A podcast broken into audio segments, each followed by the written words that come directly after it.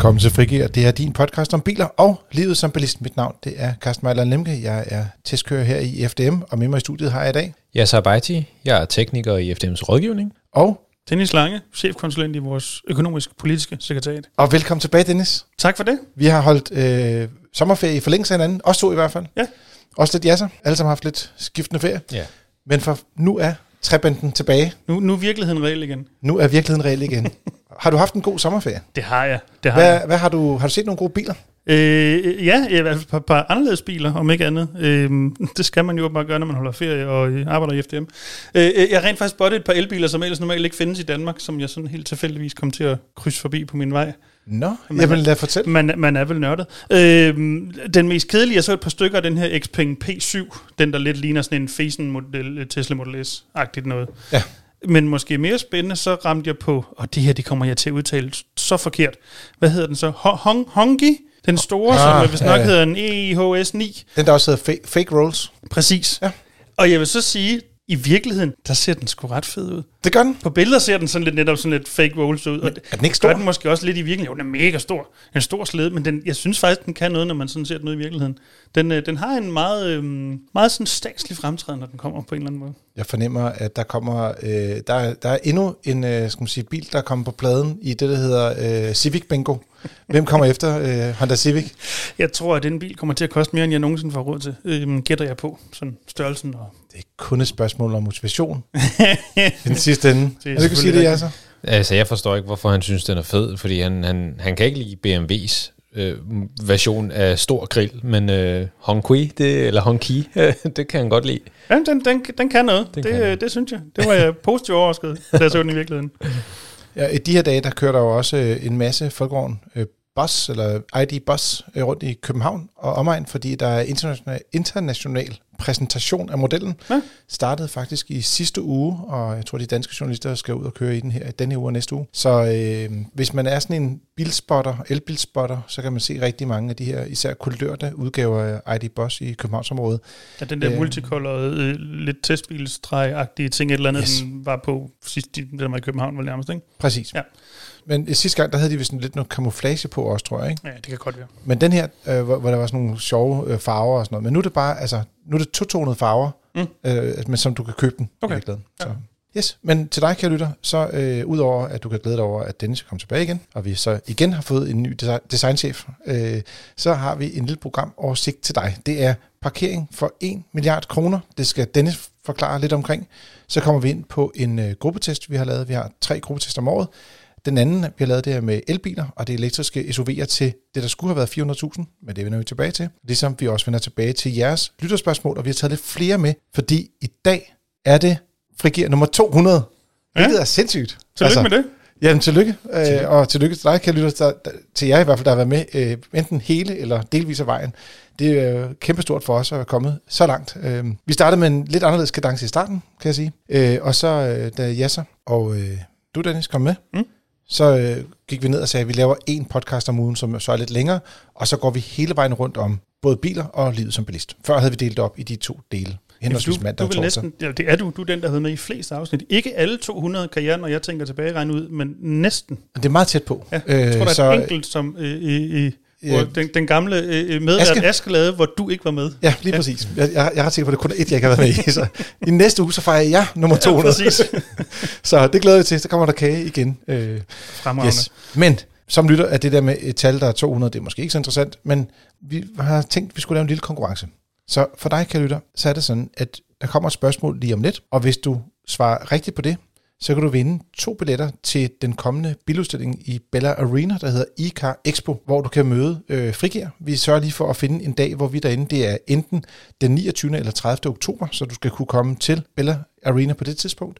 Og det er det, der bare hedder Bella Center i sådan en almindelig tale, ikke? Jamen, jeg tror, det er sådan en del af Bella Center, der Nå, hedder Bella okay. Arena. For okay. jeg, var, jeg var også inde og sige, Nå, at men det er ude Men det er, det er Bella Centeret. Ja, ja, Ja, ja. Yes. der hvor der også var biludstillinger i gamle dage. Præcis. Øh, men, men nu kommer det her, skal man sige, hvor det selvfølgelig kun bliver elbiler, men man kan selvfølgelig godt komme og stille os nogle andre spørgsmål, hvis man har lyst til det. Spørgsmålet lyder, og jeg tænker lidt, ja, så tør du læse op? Øh, det, det tør jeg. Øhm, jeg skal bare lige finde spørgsmålet her en gang. øhm, og spørgsmålet lyder således. kan man sætte en elbil i frigear? Og det kan du svare ja eller nej til, eller måske til podcast Nej, man kan kun svare ja eller nej. Okay. Ikke svare måske. Man må gerne uddybe sit svar. Ja, fair nok.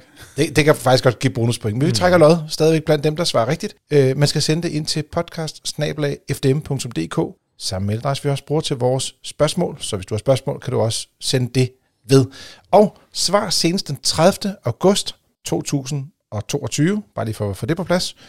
Øh, fordi vi tager øh, spørgsmålet med næste uge, så kan vi offentliggøre, hvem der har vundet. Om igen med fornavn. Og så også give svaret på spørgsmålet, som ikke er så lige til endda. Og nu til nyhederne langt. Dennis, vi har jo talt om din øh, ferie. Du er Ja. lige kommet tilbage. Ja. Øh, og det, du egentlig har beskæftiget dig med, det vender vi tilbage til lidt senere. Lad os gøre det.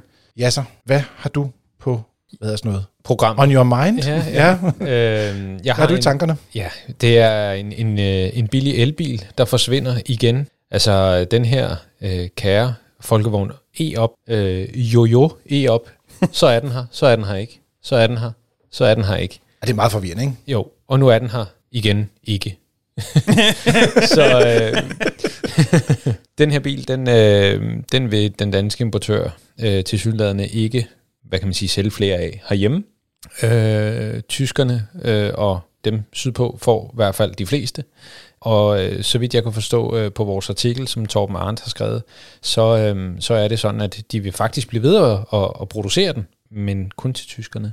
Og så henter vi dem hjem på et eller andet tidspunkt, tænker jeg. Og Ja, så, rundt ikke. Ja, ja, der kan, og så, også der kan og der så komme en får vi dem. import. og så får vi dem alligevel. Og så, øh, men, men altså, øhm, der har min kollega, eller vores kollega Torben skrevet en øh, artikel om det her, så hvis man er på udkig efter en elbil til under 200.000, så kan man ikke få det længere. I hvert fald ikke via den danske importør. Nej. Altså, og der findes på markedet øh, kun én, øh, et elektrisk køretøj. Jeg, Du kan ikke jeg, kan, ikke, jeg kan ikke kalde det en bil. Ja, jeg Jeg fornemmede godt, det var der, vi var. øh, det er Dacia Spring, øh, som jo er steget til 152.000 kroner. Og så er der faktisk en billig udgave af Nissan Leaf, der, der starter lige over 200.000 kroner også. Men Men begge tilfælde er nok biler, man... de, de Man skal være ret bevidst om, hvad man gør, hvis man køber dem. Hvis jeg må udtrykke det så Ja, diplomatisk. den, den ene bil er det sted dårlig, det er Dacia Spring, og Leafen, den er faktisk ok, men den kører lidt med lidt gammel teknologi i forhold til opladning Ja, på lang præcis. fart. Mm. Øh, og så en lidt sjov detalje, øh, krølle på det, du sagde, det var, at der er blevet solgt 237 eksemplarer af E op i år, men der er blevet brugt, øh, øh, øh, solgt øh, eller importeret 258. så vi kommer nok til at se flere af dem, men det bliver hos brugtbilsforhandlerne i stedet mm. for. Lige præcis. og meget passende med den her overgangslyd, eller breaker, som det hedder i det moderne danske sprog, øh, kommer vi til at tale lidt omkring strømpriser. Og det gør vi, fordi at i går, der var strømprisen på den, det hidtil højeste niveau med en pris øst for Storbælt på 9 kroner og 37 øre per kilowatt-time. Det betyder ikke noget for stort set øh, 3 millioner øh, bilejere, men de næsten 100.000, der kører på strøm, øh, de øh, bruger jo el fra netværket til at lade hver dag. Og hvis man så lige spoler tre dage tilbage til i søndags, i stedet for at det var i går, eller yderligere tre dage må det så være, så var prisen nede på 2 kroner og 19. Og her der taler vi om den rene strømpris, ikke noget med nogen øh, fradrag eller tilskud eller noget andet. Det var, hvad koster strømmen? Så inden for, hvad der svarer til godt tre døgn, så er der en prisforskel på 7 kroner og 18 øre Mm. per kilowatt-time. Mm. Og man lader, ja, det er meget forskelligt, hvor meget folk lader. De lader 20 kWh per gang, men du kan også lade op mod 50, eller hvis det er helt ekstremt, er det selvfølgelig 100 på de største biler, men det er nok være omkring 50-60 kWh på de fleste større elbiler. Så der er rigtig mange penge at spare ved at lade på det rigtige tidspunkt. Og før i tiden sagde man altid, lad om natten, der er det billigt. Det er også billigere som udgangspunkt, men når man sidder og kigger sådan tilbage over tid, så kan man faktisk se, at strømprisen varierer utrolig meget hen over en måned faktisk. Du kan da have det sådan, at øh, der er to, der to-tre dage i træk, hvor der er meget øh, solenergi og vindenergi, og så har man lave priser, og så ender man i sådan en situation her, hvor af en eller anden årsag, august måned, at det er helt ekstremt så dyrt strøm er blevet. Altså, Ja, det, det er ikke helt lige så nemt som i gamle dage, som du selv siger, der kunne man nogenlunde regne med, hvis bare det om natten, så var det billigt. Ja, og du kan også sige, altså øh, lad os gå et år tilbage, mm. eller to år tilbage, tre år tilbage, så lå strømmen måske og varieret mellem halvanden krone og tre kroner. Altså, okay, det er selvfølgelig stadig dobbelt op, men her der går vi jo altså faktisk fra juli måned, halvanden krone, og så op til her i august måned, 9,5 kroner. Ikke? Altså, hvis du kigger på en benzinstander, så ser du ikke den slags fluk- fluktuationer. Altså, brændstoffet stiger og falder, men det går kun, altså det går jo ikke fra, fra 18 kroner ned til øh, 2 kroner. Eller, Det, desværre ikke, nej. Nej, det kunne være fint. så øh, ja, så tippet herfra af vores øh, kollega øh, Ilias øh, Dogo, som er vores øh, chefkonsulent med speciale i ja, forbrugerøkonomi og biløkonomi osv., øh, han siger, øh, husk lige at kigge på, øh, hvornår, øh, hvad strømprisen er, og så øh, lad, når det er billigst. Jeg ved ikke, om I har nogle ting at, at tilføje der? Jamen, altså det, det er jo bare lidt i forlængelse af det, du lige har sagt, at elbilen er jo stadig billigst, hvis man lader på det rigtige tidspunkt. Mm. Men det kræver også, at man lader på det rigtige tidspunkt, eller alternativt har en rigtig, rigtig god strømaftale. For ellers så kan det lige pludselig blive, at den besparelse, man måske troede, man fik, når man købte elbilen, den bliver så mere net. Men hvis man tager sådan en, altså det er jo sådan lidt træskolængder betragtning, tommelfingerregel, whatever, øh, så siger man, hvis strømprisen er under 5 kroner per kilowatt-time, så er det billigere end at køre øh, på benzin i en standard benzinbil, kan man sige. Og hvis du så går tilbage og kigger på strømprisen, altså fra 1. januar så til mm. nu, så er det stort set kun lige, da krigen brød ud, at den har været over 5 kroner, og så nu. Altså, der har været en meget kort periode, hvor prisen har været over 5 kroner per, per kilowatt-time. Så som udgangspunkt, øh, og ikke mindst med de lange briller på, når man køber bil, så skal man ikke være bange for, at elbilen bliver meget dyrere end, mm. benzin- og dieselbilen. Nej, og hvis man har en plug-in hybrid, jamen, så kan man jo også sidde og spekulere i, hvornår... ja, så er der break-even, ikke? Hvornår skal jeg køre på... Øh, altså, skal jeg lade min plug-in hybrid i det hele taget? Eller skal jeg fortsætte med at køre på brændstof? Er det billigere? Fra et, fra et teknisk perspektiv og fra et miljøperspektiv, så giver det selvfølgelig bedst mening, at man oplader sin plug-in hybrid. Mm. Øhm, men jeg kan godt forstå, at folk de ligesom får tanken, altså om man så bare skal fortsætte på brændstof. Øhm, så forhåbentlig så, så vender det. Ja, så er der noget med, at hvis du ikke oplader din plug-in hybrid, at batteriet så har dårligere det, eller betyder det ikke så meget, fordi den, den chatlader jo altid en lille bit smule, øh, når den kører som hybridbil, kan man mm. sige. Ja, altså batteriet er i, øh, i plug-in hybriden er jo, er jo større end i en, en almindelig hybrid, eller en, en, en fuld hybrid. Og det er, jo, det er jo ikke lavet til at kun at ligge og, og køre rundt på brændstof. Det er lavet til, at det skal oplades. Så, så hvis vi kigger på det sådan teoretisk, så vil det være bedre for batteriet også at få strøm. Og du får heller ikke rigtig glæde af bilen på samme måde, fordi den vil også bruge det gør man ikke. brændstof ja. øh, og, og mangle effekt osv. Så, videre. så, øhm, så teoretisk set, så er det bedre for batteriet at blive lavet op.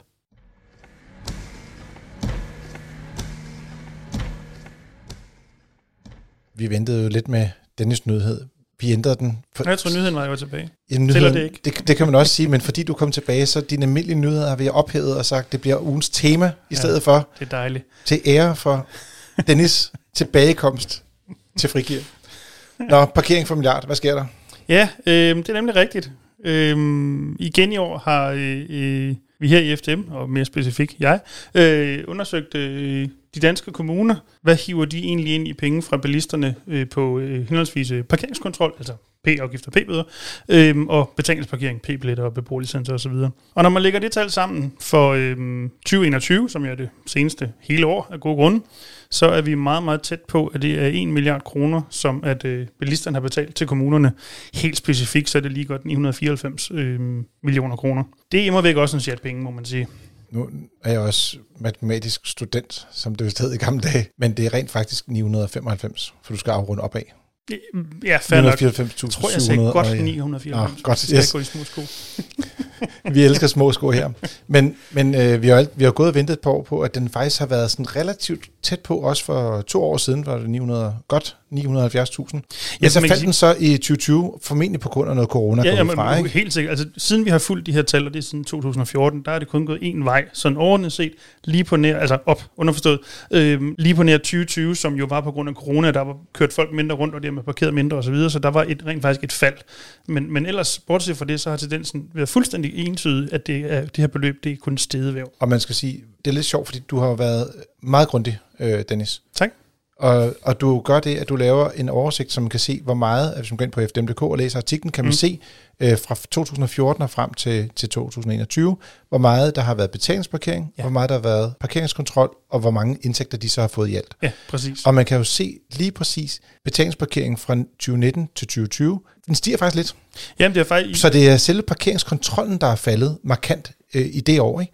Jeg er ikke faldet, det er nok mere betalingsparkering, der er steget øh, mere end øh, betalingskontrollen er sådan langt hen ad vejen, øh, i, hvis vi tager over, sådan over siden 2014. Ja, ja, når ja. generelt set er den sted. Når jeg siger bare lige præcis det år, hvor, mm. hvor den faldt meget, så var selv det, hvor den faldt, det var faktisk i selv parkeringskontrollen. Det er rigtigt. Det er og rigtigt. generelt set er det jo så også lidt tendensen nu, siger du, at, ja. man, ja, vi, kan at faktisk se, altså, vi er bedre til at betale, og kommunen opkræver faktisk lidt færre øh, P-bøder, P-afgifter, ja, dumme altså, bøder. Hvor det er sådan helt generelt... Jeg har betalt et par stykker af dem. Kan I sådan i træskolingen, så der har det været, at to tredjedel af beløbet, det har været fra betalingsparkering, og den sidste tredjedel fra parkeringskontrollen. Der er i år, eller nu siger jeg i år, det er jo 2021, mm. øhm, der er vi faktisk oppe i tre fjerdedel af det samlede beløb, det kommer fra betalingsparkeringen. Så, så andelen af, af penge, der kommer fra de p-billetter, vi køber, er rent faktisk steget i forhold til, hvordan det tidligere har været. Og eller via app. Ja, jo jo, bevares. Ja. Elektroniske p-billetter. Ja, det er, det. det er i hvert fald forsvinde de der papirer. Det er ja. en årsag. Ja. Nå, men du har så også, fordi at du kunne ikke nøjes med at lave sådan en oversigt, du har også siddet og kigget på, hvad, hvor meget der kommer ind i de enkelte kommuner. Det er rigtigt, det er jo sådan set der, det startede. I virkeligheden lavpraktisk har jeg jo spurgt alle landets kommuner med parkeringskontrol, og dermed også for nogens vedkommende øh, betalingsparkering. Hvad har I fået ind? Øh, sådan en helt klassisk agtindsigtsøvelse. Og top 5 Jamen, så der, der troner øh, hovedstaden øh, ja, det, København. Det er jo, nu siger jeg, hovedstaden, det, det er selve København. Det er selve København. København. Og sådan har det virkelig altid været. Der er sådan grundlæggende, så kan man sige, der er Københavns Kommune, og så er der de andre. Altså udover de der øh, øh lige omkring 995 millioner, der står øh, øh København for øh, de Københavns Kommune, for de 629 af dem øh, trods alt også en chat. Jeg er med på, at København er den største by, vi har, men, men så men, stor er den nok ikke. Men det udgør ikke cirka 60% af arealet. Nej, præcis, lige præcis. Øh, men, men det er jo klart, det er jo det Københavns Kommune også den kommune, der har haft øh, egen P-kontrol i, øh, i længst tid, øh, mm. og i øh, hovedstaden øh, masser af biler og tryk på osv. osv. Så jeg tror også, det er den kommune, det er jo det dyreste at parkere sådan en timetaksten. Det ender i hvert fald i en, en, den store sum af de her penge, den bliver lagt i Københavns Kommune. Og de efterfølgende pladser, der er det øh, også større danske byer som Aarhus, Frederiksberg, som jo faktisk ikke er så stor igen, men som ligger lige op på København, ja. og dermed falder lidt under samme system. Øh, Aalborg og Odense. Ja, altså det, det er jo, man kan sige, hvis nu vi tillader så lige øh, regne Frederiksberg med i, i hvert fald i Storkøbenhavn i den her sammenhæng, mm. øhm, så er det de store byer, der, der trækker det her læs, øh, i hvert fald ligger øverst på listen om ikke andet. Måske ikke så overraskende i virkeligheden. Så synes jeg, noget, der var interessant, det var at kigge på øh, bunden. Ja. Øh, og, og lyder bunden lyder måske ikke så pænt, men det er bare for at sige, der hvor det er, at øh, kommunerne er mindst griske over for deres borgere i forhold til at parkere. øh, og det er sjovt, at de her steder, der kan man faktisk ikke betale for at parkere. Der er rent faktisk kun parkeringskontrol på de fem kommuner, der indkræver færrest penge. Ja, det er faktisk sådan i rundetal, så er det cirka halvdelen af de kommuner, der har parkeringskontrol, har betalingsparkering. Ah, okay. Sådan cirka. Godt. Jamen også øh, der, hvor jeg bor, der er det også mere sådan, der er to timers parkering, og du kan i princippet få en bøde, men jeg har ikke set nogen få en bøde nu, men, det, de, men, men, men min kommune ligger ikke i bunden, så de er åbenbart ikke de bedste. Nej. Men det er jo faktisk dem, vi bedst kan lide næsten. Det her, hvor det er, at man kan bo bilist som bilist hvis ja, man jamen, sige på den måde. Ja, ja, og det er jo så faktisk ikke engang helt rigtigt, fordi det er jo så fra, hvad bliver det, plads 49 til 53, de, de fem nederste. Men, mm. men derfra ligger der så fra 54 op til 93, altså de kommuner, der, der ingen indsigt har. Jo. Når der er nul? Ja, præcis, fordi de ikke har parkeringskontrol. Ej. Det kan være, vi skal lave en artikel omkring dem, der Dennis, på et tidspunkt, hvor det er, at vi ligesom siger... til kommunerne ja, uden parkeringskontrol. Hurra! Flyt herud! ja. Men nej, hvis vi lige hurtigt skal tage de, de nederste fem kommuner, dem som trods alt rent faktisk har kontrollen, så er det, det er Frederikssund, det er Vordingborg, så er det Nordfyns Kommune, Fane og endelig Maja Fjord, øhm, som er helt nede på øh, i hele 21 har haft en indtægt på 9.940 kroner. Det hylder vi. Det er ikke meget, må man sige. Det er ikke meget, Nej. men jeg vil sige, øh, men det er nok. Ja, ja, absolut. Altså man kan sige, grundlæggende synes vi jo i FDM, at det burde være billigere og ikke dyrere at være bilist. Vi har selvfølgelig forståelse for, at parkeringskontrol kan være nødvendigt. Og især i de større byer kan det også være nødvendigt at begrænse antallet af biler med en eller anden form for betalingsparkering. Mm. Men det betyder jo ikke nødvendigvis, at man som kommune bare skal, om jeg så må sige, give los. Øh, der er ikke, det er jo ikke en, en naturlov, at, at priserne skal ligge i det niveau, de gør. Øh, eller for den sags skyld, at betalingszonernes udstrækning skal være så stor, som den er. Har vi så et ønske om, hvad vi vil have for pengene? Jamen grundlæggende så vi jo gerne, at de penge, som bilisterne nu betaler for det her, også rent faktisk blev kanaliseret tilbage til bilisterne. Mm. Altså virkeligheden er jo, at de penge, de ryger i øh, den generelle kommunekasse. Øh, på nær nogle få undtagelser for staten tager nogle af pengene, men der ryger det så i den generelle statskasse. Vi så gerne, at pengene i virkeligheden blev øremærket, øh, så at, at de blev kanaliseret tilbage til bilisterne i form af flere og bedre parkeringspladser. Det er trods alt bilisterne, der har betalt de her penge. Præcis. Ja så, hvad er dit forhold til parkering? Er, er du ligesom jeg også lidt irriteret over det, eller øh, er du sådan lidt whatever? Ja, jeg synes, det er forfærdeligt at parkere i Københavns Kommune. Altså, det er besværligt at finde pladser, og det koster rigtig mange penge på, på de forkerte tidspunkter af døgnet, og ja, øh, altså når man tænker på, hvor meget man, man ligger og kører rundt, ja. øh, og leder efter parkeringspladser, og hvor meget man udleder, i hvert fald jeg har ikke en elbil, så, så hvor meget man egentlig går, kører rundt og udleder, øhm, så, så, så hjælper det ikke på noget i hvert fald. Men jeg skulle lige til at anbefale, at øh, du simpelthen skifter til elbil, fordi der er det sådan, at der koster det 0 kroner at parkere i blandt andet Københavns Kommune i øjeblikket. Men det skal de nok også få lavet om på på et tidspunkt. Denne uges biltest er ikke bare en, men hele 10. Vi har haft en gruppetest med elbiler i en klasse, som skulle koste, da vi startede, 400.000 kroner, og så fandt vi ud af, at øh, alle de forskellige producenter begyndte at losse, losse til deres priser, så det blev dyrere og dyrere og dyrere, så jeg tror faktisk... Selv, selv Motors gruppetest, der rammer inflationen. Ja, men det er faktisk rigtig, rigtig irriterende, og det, altså, vi, vi starter jo planlægge det her i januar måned, så det, øh, ja, men vi måtte løfte til 450.000, tror jeg, den, den dyreste kan fås fra, så at sige, uden at tilkøbe ekstra udstyr. Det er øh, en af de skal man sige, populære klasser. Den er også populær, fordi det rent faktisk er den størrelse biler, som der er tilgængelige på markedet. Og øh, vi har testet øh, det, man kan kalde øh, store SUV'er med togstræk, og øh, ja, rækkevidder på omkring sådan 400-500 km i rundtal.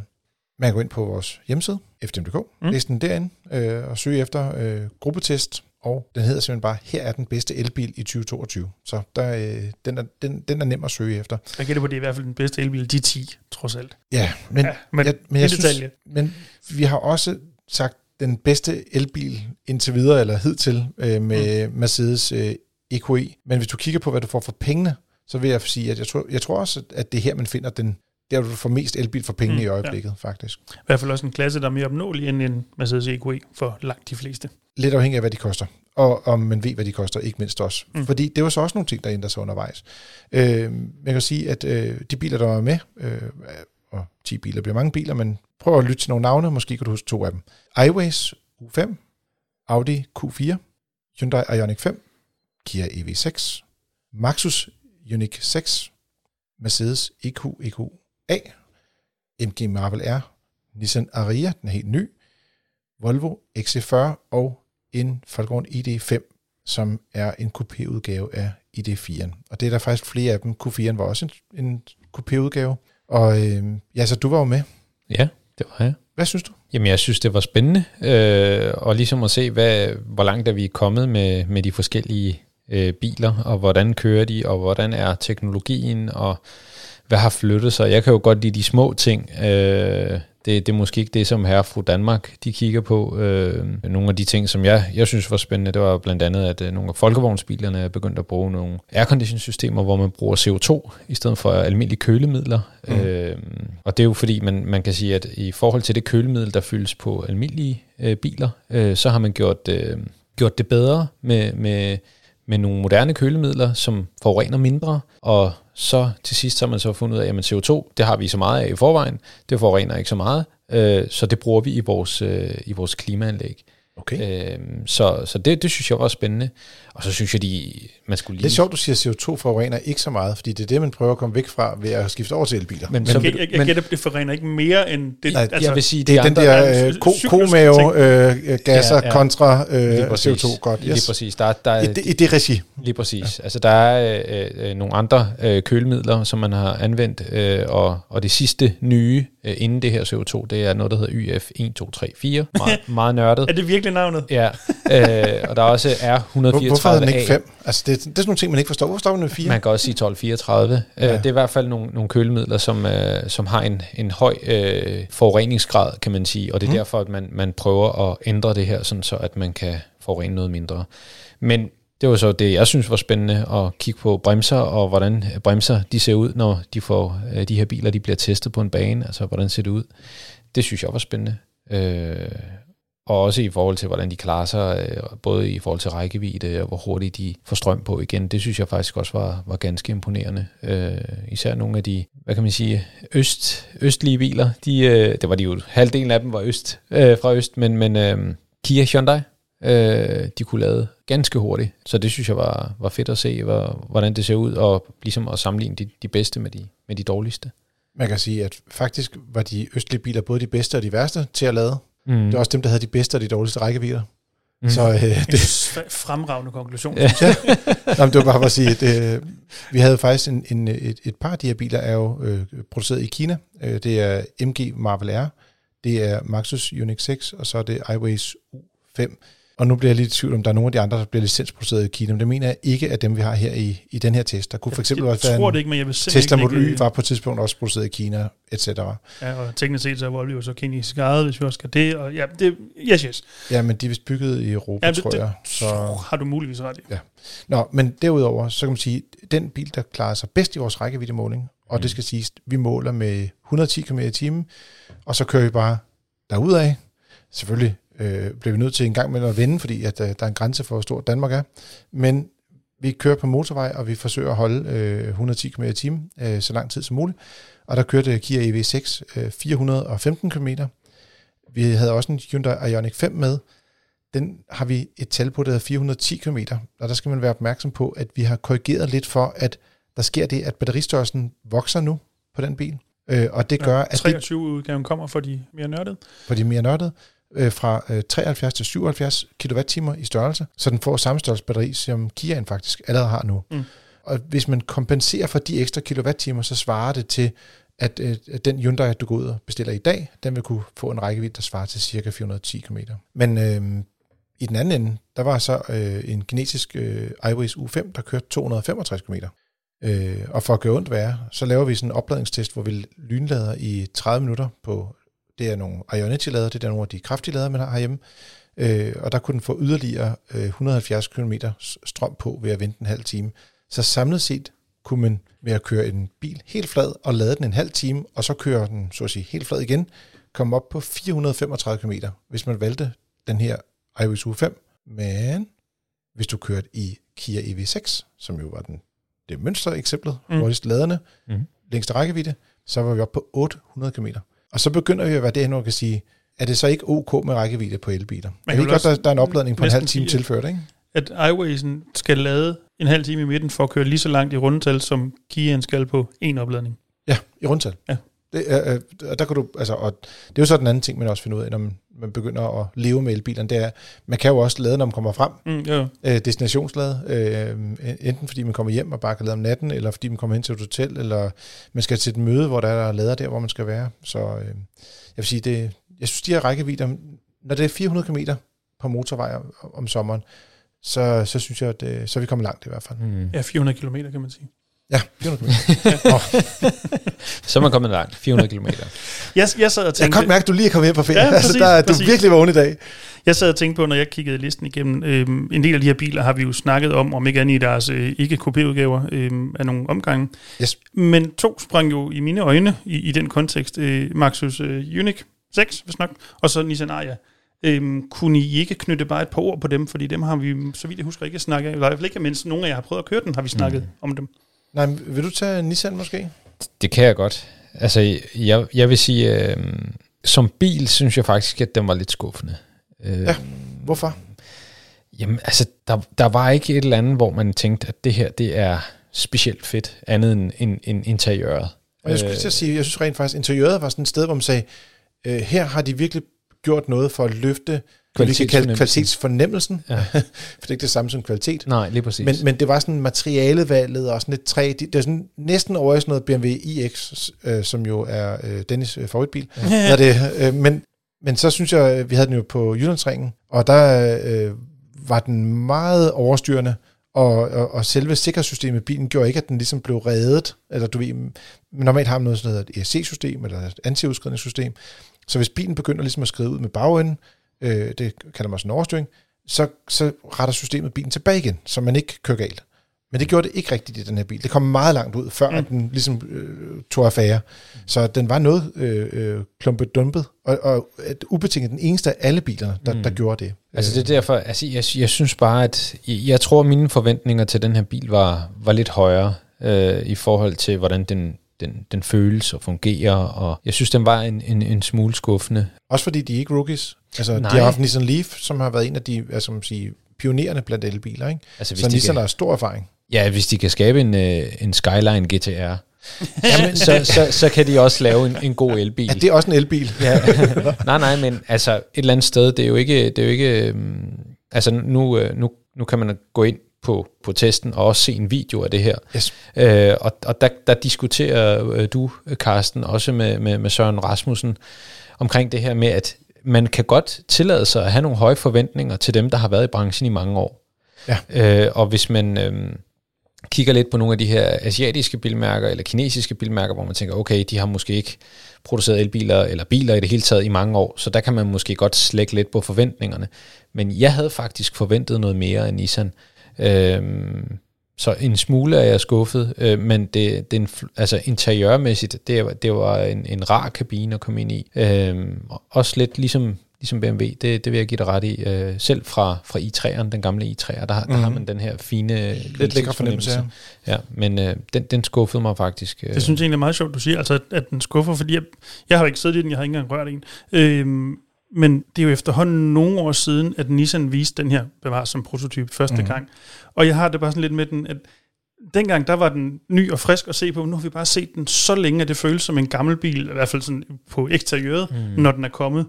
Og det er sådan næsten lidt det, jeg nu oversætter jeg lidt det, du sidder og siger, mm. ja, så, men man kan sige, havde den kommet, dengang de præsenterede den, så havde den måske ikke føltes så knap så med på beatet, eller øh, havde føltes mere med på beatet. Ja, jeg synes, det var en lidt flad fornemmelse, altså hvis jeg skal give mit bud på det, øh, eller hvad jeg synes, mm. øh, det er jo som min holdning, øh, hvorimod at, at nogle af de andre biler, de virkede mere moderne, og ja, jeg, jeg, jeg, jeg, jeg, jeg, synes, jeg synes, det var lidt skuffende. Ja, og så øh, går vi til lidt mere skuffelse, øh, men, men også øh, måske lidt mere, kan man sige, øh, fair nok skuffelse. Øh, Maxus øh, Unix 6 er jo en, en ny elbil, og det er den første bil, vi har haft til test. Vi har tidligere prøvet den, der hedder Unix 5 som en forpremiere, hvor vi prøver den til, til kan man sige, et officielt arrangement. Men her der havde vi jo bilen øh, i en uge, og kunne køre i den, og prøve den ordentligt efter. Øh, og altså, den første, øh, jeg ved ikke, om man skal kalde det et chok, men bilen koster jo 415.000 kroner. Og hvis man tror, at man får en billig bil, bare fordi den er lavet i Kina, så skal man tro om igen. Det gør man simpelthen ikke. Mm. Og øh, når man ligger og kører på landevejen med den, så føles den faktisk ok. Det er lidt ligesom en bil, man slet ikke lægger mærke til, faktisk. Det kan godt være et plus, ja, det kan at den ikke gør noget skidt, dårligt, ja. men den gør heller ikke noget, altså ingenting øh, exceptionelt mm. heller. Så, øh, og så havde vi den på, på Jyllandsringen, og, og fik ligesom gået lidt mere til og sagt, okay, hvad, hvad kan den egentlig? Og den kører på nogle helårsdæk med ret dårligt greb på, og rækkevidden var i, bedre end Volvoen, skal man så dog sige, men, men ikke øh, stadigvæk blandt de, de dårligere rækkevidder, øh, når vi måler det. Ikke? Øh, vi kørte 330 km, det, det er altså ved sommertemperatur, det er altså det bliver kort om vinteren, ikke? Mm. Øh, og så lader den faktisk ikke særlig hurtigt, øh, når man skal, skal lynlade. Så den ender med ligesom at have rigtig meget plads, øh, men, ja, men være lidt for dyr. Ikke? Den ser ud til at være en ret stor bil, så man kigger på den. Ja, altså på billeder, god plads. Jeg, synes, jeg synes, pladsen var det, var det positive ved den ja. her bil. Ja. Og, og så vil jeg også sige, øh, altså bare sådan op fra ned, så at sige, mm. det, er jo, det er jo et helt nyt bilmærke på vores breddegrader. Øh, hvis man lige kommer ind, og det er en klasse, hvor der er hård konkurrence, jamen så øh, nogle af de dårligste, og i det her tilfælde er det, er det Maxus øh, Unix 6, der er den dårligste bil i, i testen. Men jeg tror, hvis du tager en Maxus om fem år, så den klarer sig helt anderledes. Og jeg tror også, vi kan se, altså på de andre elbiler, der kommer fra Kina, mm. altså det løfter så bare MG's biler fra den ene til den anden, til den tredje mm. til den fjerde model. Mm. Altså jeg er meget spændt på MG4, der kommer her til oktober. Hvor det meget, lille, lille hatchback-agtigt. Ja, lille hatchback, ja. sådan en C-segment, eller den kunne i gamle dage kunne kalde en golf-klassebil. Ja, ja. Øhm, hvad, hvad kan de der? Fordi at øh, hver gang de har taget et skridt, så er der bare sket rigtig meget. Og det kommer også til at ske for Maxus på et tidspunkt, det er bare ikke rigtig sket nu. Testvinderen, det er Kia EV6, der lige præcis ikke når op på 6 stjerner. Der er mange 5-stjernede biler i den her test. En af årsagerne til, at den ikke rigtig ringer helt igennem, det er, øh, at der er ikke rigtig nogen, der ved, hvornår man får bilen. Øh, leveringstiderne bliver sådan offentliggjort til halvandet år. Prislisten er taget af, så vi har måttet skrive en forventet pris på, men det kan jo være, at den bliver en lille smule dyrere. Men når man ser bort fra, at man så slet ikke kan få bilen, når man ikke, vi ikke ved, hvad den koster, så... Forholdsvis ubetydelige faktorer. Små detaljer i forhold til bilejerskab. Det vidste vi igen ikke i januar, da vi begyndte at lave den her test.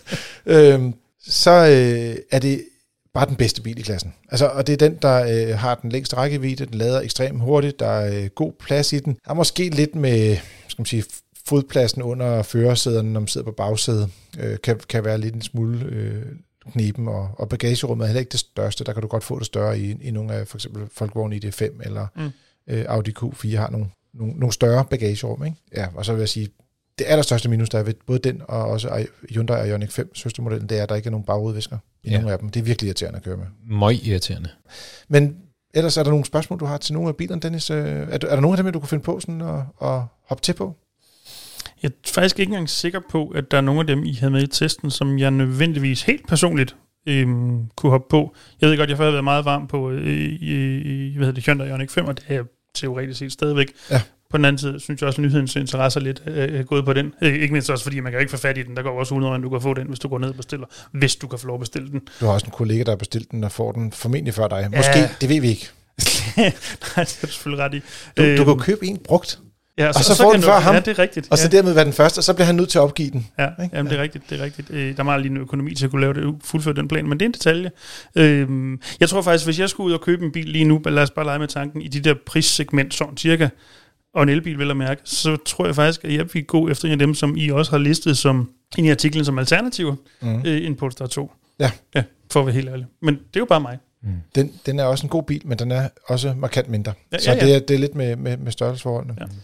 Havde du en, en favorit? Yes. Altså, mine favoritter, det var faktisk uh, Q4'eren uh, og også uh, EV6'eren. Jeg synes, de to biler var, var dem, som var, var, var lækrest at køre i. Uh, og så synes jeg faktisk, at i, i de 5'eren også er lidt federe i designet i forhold til den der ID4, ikke? Uh, den, den, den, den kan lidt mere. Når Hvad, det, hvad siger designchefen der? Ja, Skal vi lige have det ham på? Jeg, jeg synes, det kun er blevet værre ja, fra, fra ID4 til ID5, og jeg er ikke forvejen fan af ID4. Nej, så det, nej. Ja. Nå, der, er- der er to sider af det samme bord. Eller hvad skal man sige? Men jeg vil sige retfærdigvis, jeg kan heller ikke lide Q4 Sportbacken. Den ser også forfærdelig ud. Ja, okay. Vi Jeg synes, det der, det, kan, det der kan tale for en ID5 og eller en ID4, det er, at øh, leveringstiden angiveligt skulle være øh, i hvert fald under et halvt år, og nogle øh, modellerne måske der på, nede på tre måneder, sagde de. Så øh, der er en chance for, at man rent faktisk kan få en bil, og det kan jo også betyde noget øh, for Ja, nogle altså, hvis bilkøbere man i står skal have en bil sådan relativt nu, så Det kan det jo det. være det, der er afgørende. Så for, kan det være at man afgørende. Ja. Hvis man har tid til at vente, så vil vi jo så anbefale, at man går efter Kia EV6, øh, når den bliver tilgængelig igen på, på prislisterne. Mm. Så kører vi ind til siden og ruller vinduet op. Nu er det tid til lytterspørgsmålene som altid. Har du et spørgsmål, send dem til podcast Det første spørgsmål er, og vi har valgt at tage et par stykker med i dag. Hej Frigir. Først og fremmest, tak for en altid underholdende podcast. En af de få, jeg lytter til alle afsnit af. Tak, Tak. for det. Tak til det, Thomas. Nå, til sagen. Som den halvgamle, halvsure mand, jeg er, kan jeg naturligvis ikke udstå dynamiske blinklys, som altid minder mig om en dødssyg amerikansk wannabe-coupé fra starten af 70'erne. Måske en Mercury, et eller andet.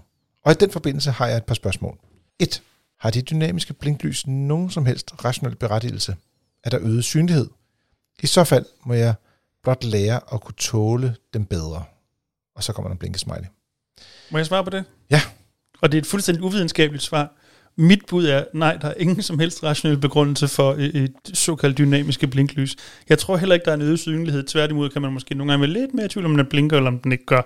Øhm, lidt afhængig af, hvornår i forløbet man kigger på det. Jeg tror, det her det handler om, at på et tidspunkt, der fandt de øh, tyske øh, mærker i Volkswagen-koncernen ud af. Jeg tror, det var dem, der startede, hvis jeg husker Audi, rigtigt. ja. Audi husker jeg som for de første. Vi skal have gjort noget, der kan skille os ud. Det må vi lige få EU lukket til. Det, det kan vi godt gøre det inden for reglerne, og så kørte det. Og så er det så bredt sig siden der. Kan vi øh, forklare lytterne, hvad dynamiske blinklys Ja, er? ja det, det er dem, hvor i stedet for det er et man kan sige, tændt sluk blinklys, som det altid været, så er det sådan en streg, der løber ud i siden i gentagende gange, i stedet for bare I starten var det faktisk flere små LED'er, som tændte løbende henad, fordi det ikke var en streg. Mm. Så det var ikke engang så dynamisk igen, hvis man skal sige det. Men, men det er ret, det, det, den bevæger sig stille og roligt i den kørselsretning typisk også. Vel, de blinker jo ud af ja, altid. ja, til den ja, side, man den skal. retning, man blinker til i hvert fald. Ja. Ja, præcis. Ja. Mm.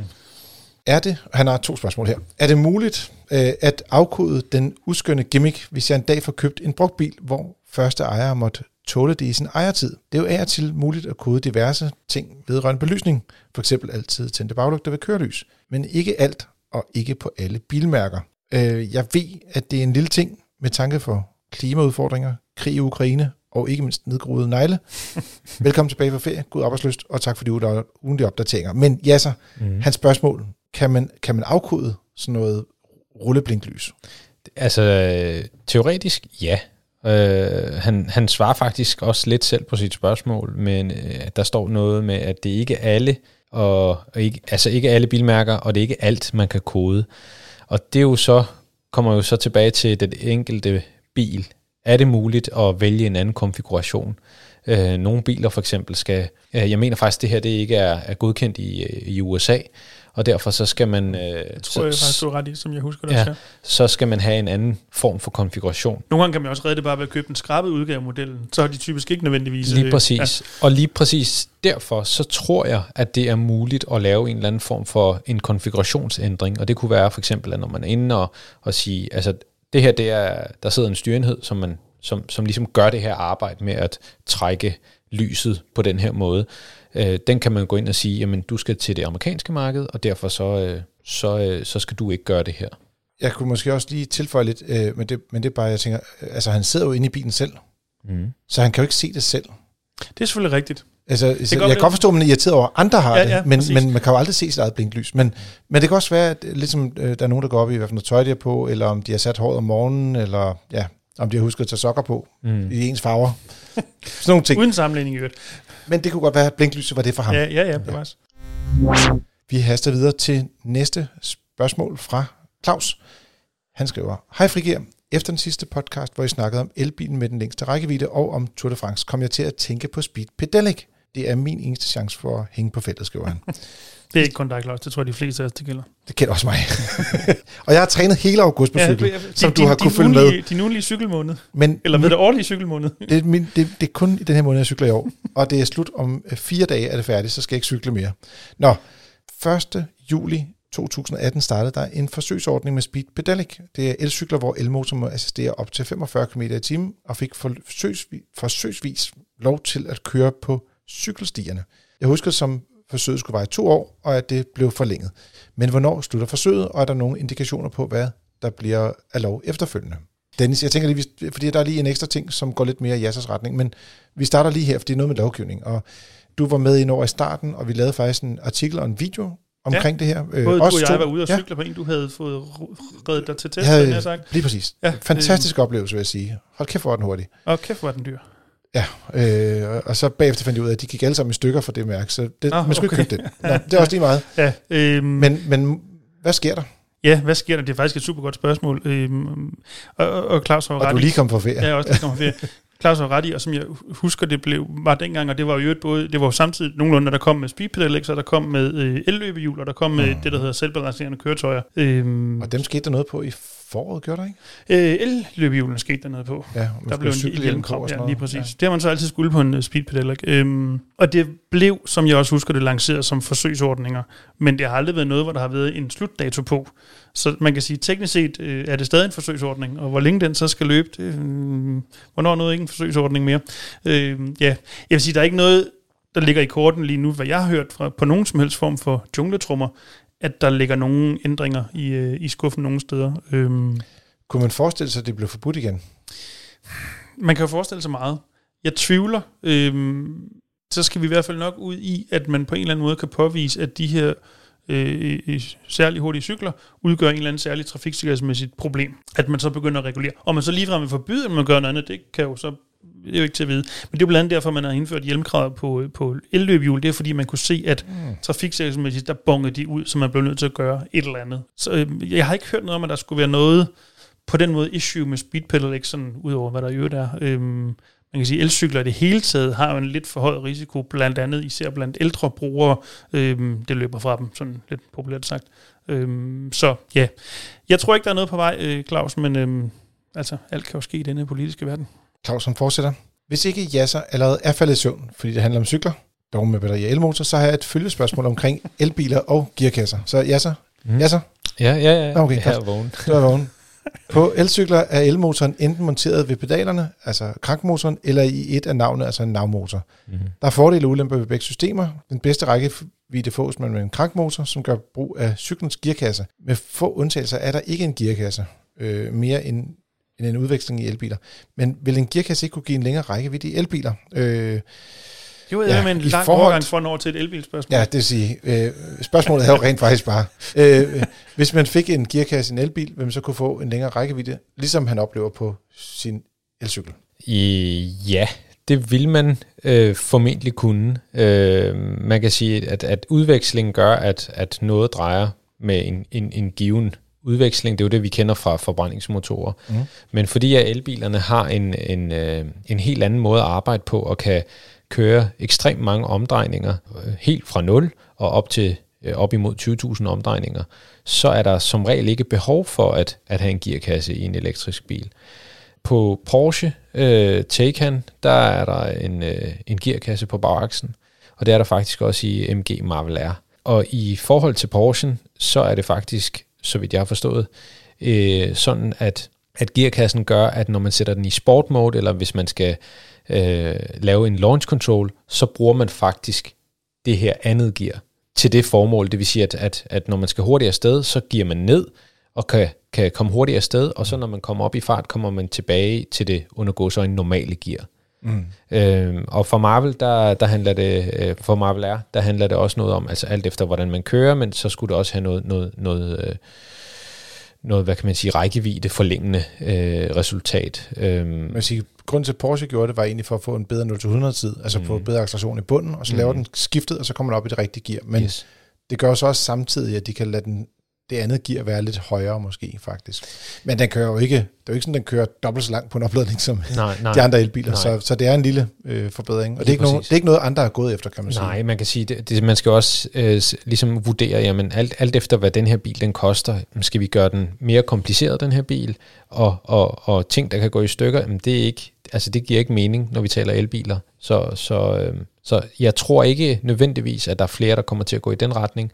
Øh, men i teorien, så er det muligt at, at gøre sådan nogle her ting. Så har vi fået en mail fra Nikolaj. Han skriver, Hej alle tre. Jeg er den kommende lykkelige ejer af en Kia EV6, når jeg engang kan få den leveret. Ja, okay, det hænger så lidt sammen med vores... 20, 4, 5, 26 stykker. Præcis. Ja. Han har to spørgsmål. Jeg skrev under på min slutseddel, den, ja, det var i 2021, i forbindelse med, at jeg fik indskrevet, at Prisen var garanteret ved levering i 2022, og på slutsiden står der levering 9-14 måneder, men som det ser ud nu, så får jeg nok først bilen i marts, øh, februar-marts 2023. Kan forhandleren ophæve handlen med det argument, at det ikke er en model år 22, men en model år 23? Lidt ligesom Hyundai gjorde, og så skriver han i Norge, men det er det også gjort i Danmark. Ja. Øh, og derefter hæve prisen, eller skal de levere den bil, de kan, når de ved, at jeg allerede skrevet under på den. Og jeg vil sige, lige her, øh, der tænker jeg lidt, at man bliver nødt til at kontakte rådgivningen for at få en, en konkret vurdering. Jamen det, det gør man. Det, det er jo det er super relevant og jo et super juridisk spørgsmål. Øhm, men meget kommer an på, hvad står der nøjagtigt i den her købsaftale. Mm. Øhm, og hvad praktiske muligheder giver det så, hvis forhandleren gør A eller B? Øhm, og det er simpelthen noget, der er fuldstændig umuligt at sige noget fornuftigt om, sådan i, i generelle termer. Så, så hvis man ligesom skal blive klogere på det, man sidder i, jeg var lige ved at sige saksen som, som bilkøber på den her konto, så er det bedste, man kan gøre, det er at tage fat i vores, øh, vores juridiske rådgivning og få den konkrete rådgivning i den enkelte sag. Og det er også lidt det der med, og, og nu er jeg jo så heldigvis ikke jurist her, så jeg kan sige det lidt mere frit, men nogle gange står der jo noget tekst, som er skrevet, sådan at menigmand synes, de forstår det. Men når så juristen læser det, så læser de det lidt anderledes. Hvad betyder det præcis, når der står leveringen 9 til 14 måneder? Hvordan er det formuleret? Øh, den, hvordan, altså, er det en garanti for, at den bliver leveret eller ikke? Altså, hele det der med, at hver enkelt slutseddel, selvom de godt kan se lidt ens ud, så når du begynder at tilføje nogle særlige vilkår, mm. så, så kan det godt ændre på kontrakten. Præcis. Og det er derfor, at det bliver nødt til at blive en, skal man sige, en, en, en et konkret gennemgang af den kontrakt, ja, man skal kigge på. lige præcis. Så, så kære Nikolaj, du bliver nødt til at skrive ind igen til vores øh, juridiske rådgivning i FDM. Som FDM-medlem har du øh, ret til at få dem til at kigge på det, øh, og så kan du få lidt hjælp med den del af dit spørgsmål. Han skriver heldigvis, mit primære spørgsmål, så det var kun et sekundært spørgsmål, drejer sig om min nuværende bil. Det er en Kia Niro øh, Hybrid fra 2017, den har kørt 115.000 km. Han kører cirka 35.000 km om året, så det vil sige, at han kommer fartonen tæt på de 150.000 øh, km, som garantien den dækker. Så nu er han lidt nervøs for, hvornår han får udleveret den her EV6'er, og om garantien udløber, og hvor lang tid går der. Og så siger han, vil det være en idé at sælge min Niro nu og købe en ældre bil til at få min EV6, eller skal jeg slå koldt vand i blodet og tænke, det ikke er et problem? Det koster penge, hver gang man skifter bil. Prik, prik, prik, prik. Og tak for en fremragende podcast. Tak, Nikolaj. Og jeg vil sige, det koster penge, hver gang du skifter bil. Og derfor så skal man prøve at undgå at skifte, øh, skal man sige, så vidt muligt. Øh, og et, nogle gange kan man gøre det, at man kan tage en løsning, hvor man leaser eller leger en bil. Men hvis du har en Niro, der er så gammel nu i forvejen, fra 2017 er fem år gammel, om du kører et år eller to år mere, det rykker en lille bit smule på restværdien. Om garantien er udløbet, okay, det er klart, det vil være bedre at sælge den, når der stadig går fabriksgaranti på, især hvis du solgte den privat, Men jeg vil sige, det er ikke det, der kommer til at være afgørende i forhold til, hvor meget du får for din bil. Og hvis den lige er udløbet garantien, med, lad os sige, der er 5.000 km tilbage på garantien, så vil det jo heller ikke være så meget værd, fordi du kun, Nej, nej. den, der køber bilen, har jo kun garantien i 5.000 km. Og så kan man bare som, som supplering, øh, for jeg er helt enig det, du siger, Carsten, men, men hvis, som Nikolaj lidt stiller op, hvis alternativt at købe en anden ældre bil, som jo der med al sandsynlighed heller ikke er for, øh, øh, garanti på, så Måske lige, også er en skade, han ikke ja, har set. ja, ja, det, så kommer der en reparation til på. 10.000 kroner. Ja. Han har en bil, han kender. Han er glad for den. Han skal til at skifte til en anden model. Øh, hold snuden i sporet. Bliv ved med den hybridbil, kan Nikolaj. Og så øh, nyd de sidste kilometer. Og så øh, kan du eventuelt tage et billede, når den runder 150.000, hvis du synes, du godt vil gemme et billede af det til den tid. Det var det for denne gang. Frigir 200 er færdig. Hvis du havde lyst til at være med i vores konkurrence, så kan du svare på spørgsmålet, der lyder, kan du huske det, Jasser? Mm. Kan en elbil gå i frigear? Og spørgsmålet er ja eller nej, og du kan sende det til podcast senest tirsdag den 30. august. Så tager vi det med i næste uges podcast, hvor du får svaret, og også lige får at vide, øh, hvem der vinder, om ikke andet på fornavn, så vi holder alle GDPR-regler, som det skal være, når vi har en husjurist ved os. Du lytter til Frigær. Det er din podcast om biler og liv som bilist.